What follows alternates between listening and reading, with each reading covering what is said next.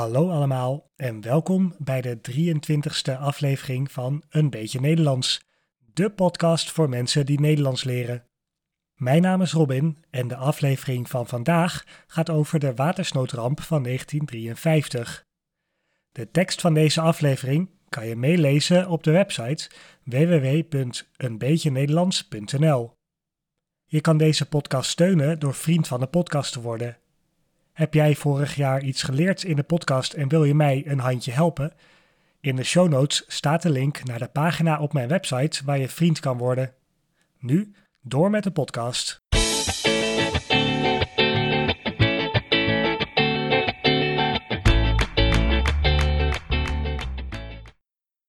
Vandaag gaan we naar een plek die Zeeland heet. Nee, dan heb ik het niet over Nieuw-Zeeland. We gaan naar het zuidwesten van Nederland. Daar ligt de Nederlandse provincie Zeeland. Je zou kunnen zeggen dat het gaat om Oud-Zeeland. Het is namelijk zo dat het land Nieuw-Zeeland is vernoemd naar de Nederlandse provincie Zeeland. Ze hebben ook wel wat met elkaar gemeen. Beide plekken bestaan uit een aantal eilanden, kijk maar eens op de kaart. En zoals de naam al doet vermoeden, er is veel water in deze provincie. Het onderwerp van vandaag is helaas niet heel vrolijk.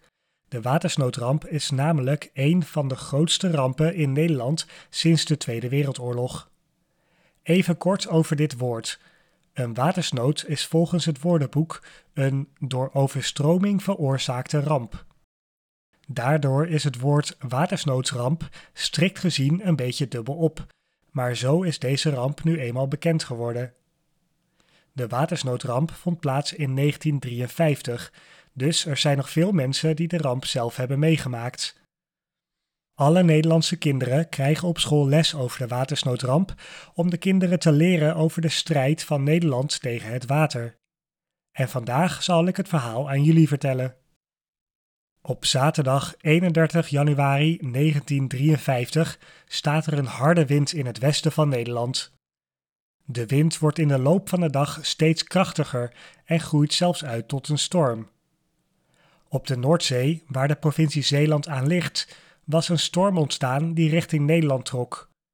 Het KNMI, de Nederlandse organisatie die zich met het weer bezighoudt, stuurt een waarschuwing voor een zware storm die kan leiden tot hoog water. We luisteren even naar het weerbericht van die avond. Weersverwachting geldig tot morgenavond. Gedurende de nacht vooral in de kustprovincies tijdelijk zware storm. Guur weer met wisselende bewolking en nu en dan regen, hagel of sneeuwbuien.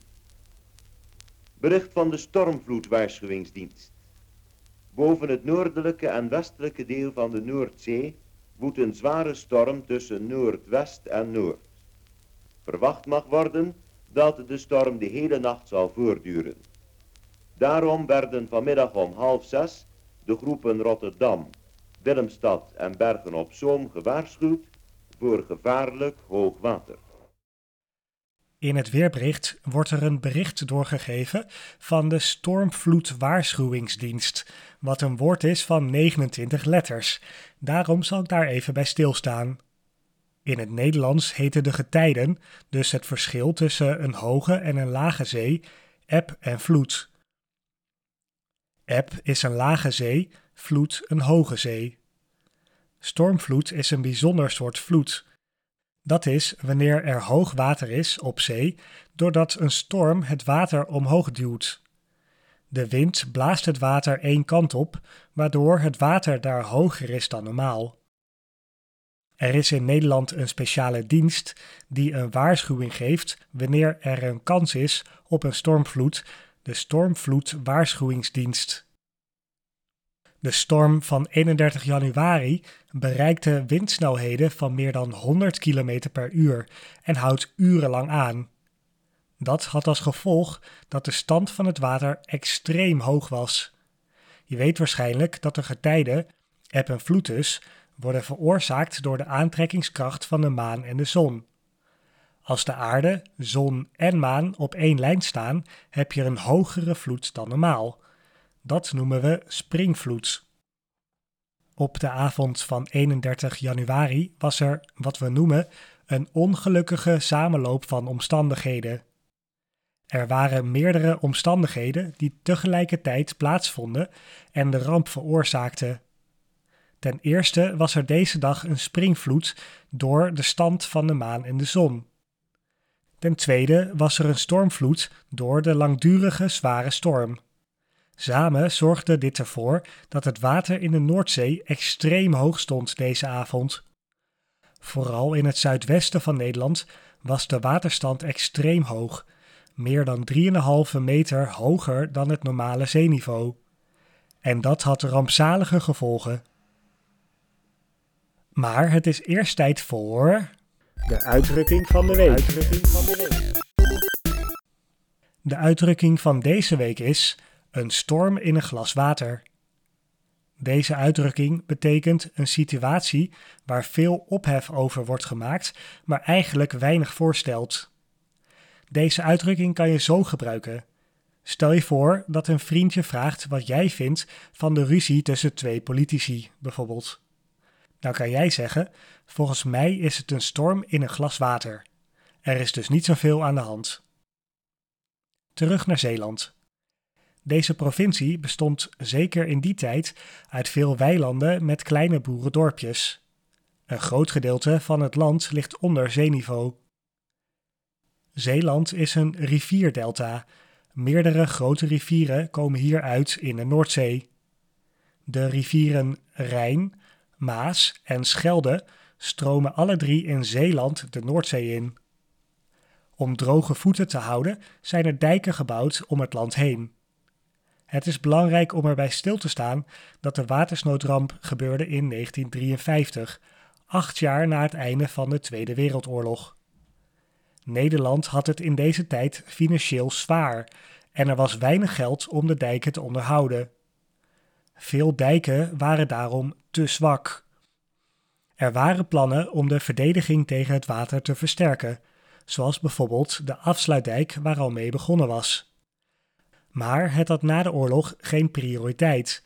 Het geld dat er was, werd gebruikt om het land weer economisch op te bouwen na de oorlog.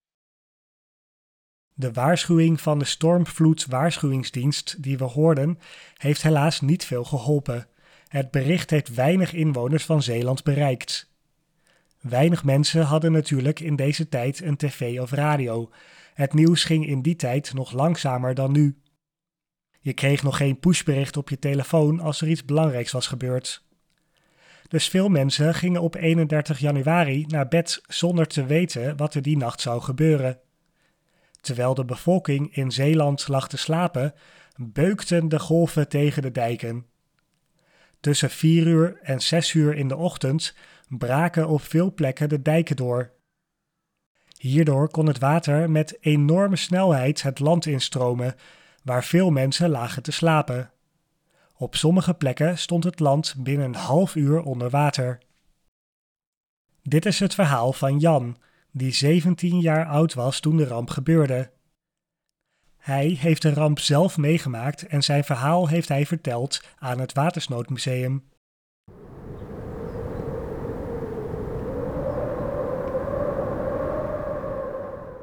Die zaterdag stormde het de hele dag. Ik hoorde de storm en de pannen op het dak klapperen. Toen begon het. Wij waren boven en onze buurman bonste op het raam. Die riep: Buurman, kom eruit, want het water komt over de dijk. We gingen ons direct aankleden. Ik was al boven, maar mijn vader ging nog terug naar beneden. Hij was nog maar net in de achterkamer of die achterste ruit, die klapte eruit door het water. Mijn vader kon nog net het halletje bereiken waar de trap stond en naar boven vluchten. Zo zijn er zo'n zestig huizen hier in het dorp ingestort. Het was niet heel erg donker, de maan scheen door de wolken heen. We konden naar buiten kijken en dan zagen we de golven. Het was net alsof we midden in een groot water zaten. We hoorden de stoelen en de tafel beneden steeds tegen het plafond botsen. We dachten eigenlijk niet anders dan: we kunnen elk ogenblik verdrinken. Toen waren er enkele uren verstreken. Na een tijd zagen we een bootje. Wij waren natuurlijk blij dat we het overleefd hebben. We konden niet inschatten wat er gebeurd was. Dat hoorden we pas toen we bij het dorp kwamen. De watersnoodramp heeft in Nederland meer dan 1800 mensen het leven gekost.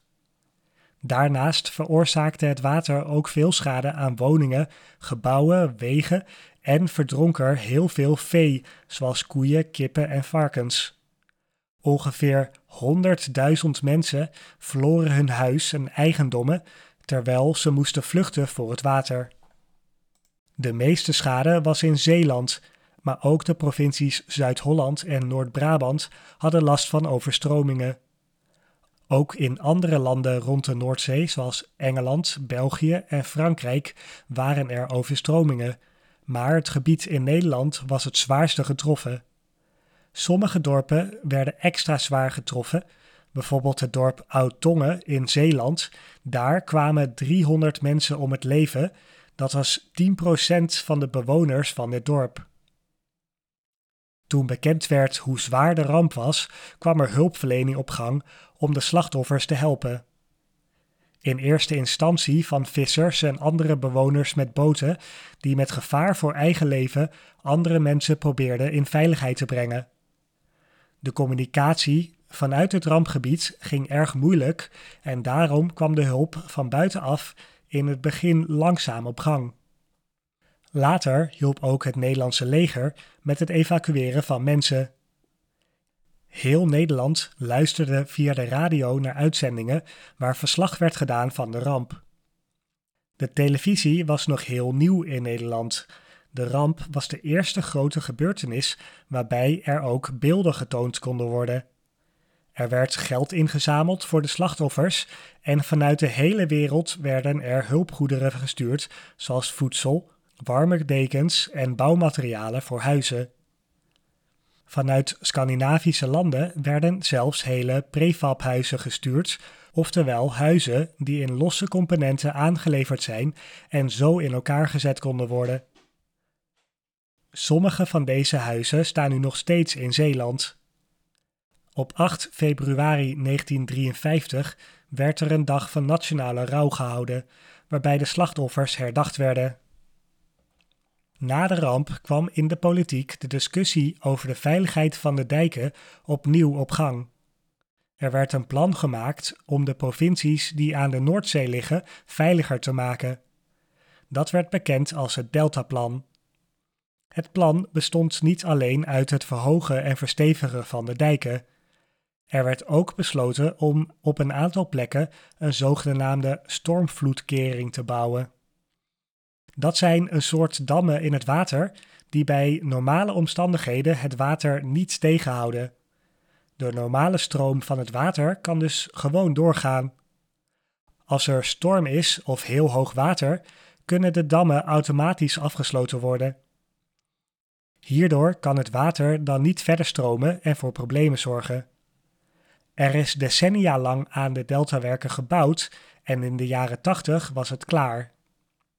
Nog steeds worden de stormvloedkeringen internationaal met heel veel bewondering bekeken. Sommige mensen noemen de deltawerken zelfs het zevende moderne wereldwonder. Het is samen met de afsluitdijk de Nederlandse verdediging tegen het water. Over de afsluitdijk heb ik in aflevering 5 van deze podcast al uitgebreid verteld. Maar helaas moest er dus wel een enorme ramp aan voorafgaan tot de bestuurders van het land zich de noodzaak ervan realiseerden. En de komende jaren zal de vraag zijn, dankzij de stijgende zee door de opwarming van de aarde, of het genoeg zal zijn om onze voeten droog te houden. Hiermee kom ik alweer aan het einde van deze aflevering over de watersnoodramp van 1953. Als je deze podcast leuk vindt, zou ik het erg waarderen als je mij een goede review geeft in je podcast-app. Ook op Spotify kan je tegenwoordig sterren geven, dus luisteraars op Spotify, kijk even in de app en geef 5 sterren. Ik wil ook nog een kleine oproep doen om vriend van de show te worden als je van deze podcast geniet. Ik maak deze podcast in mijn eentje en het kost best wel veel tijd om de verhalen te schrijven. Met een kleine bijdrage ben je al vriend van de show en help je mij een klein beetje. Check de show notes voor een linkje. Ik hoop dat je een beetje Nederlands geleerd hebt en tot de volgende aflevering.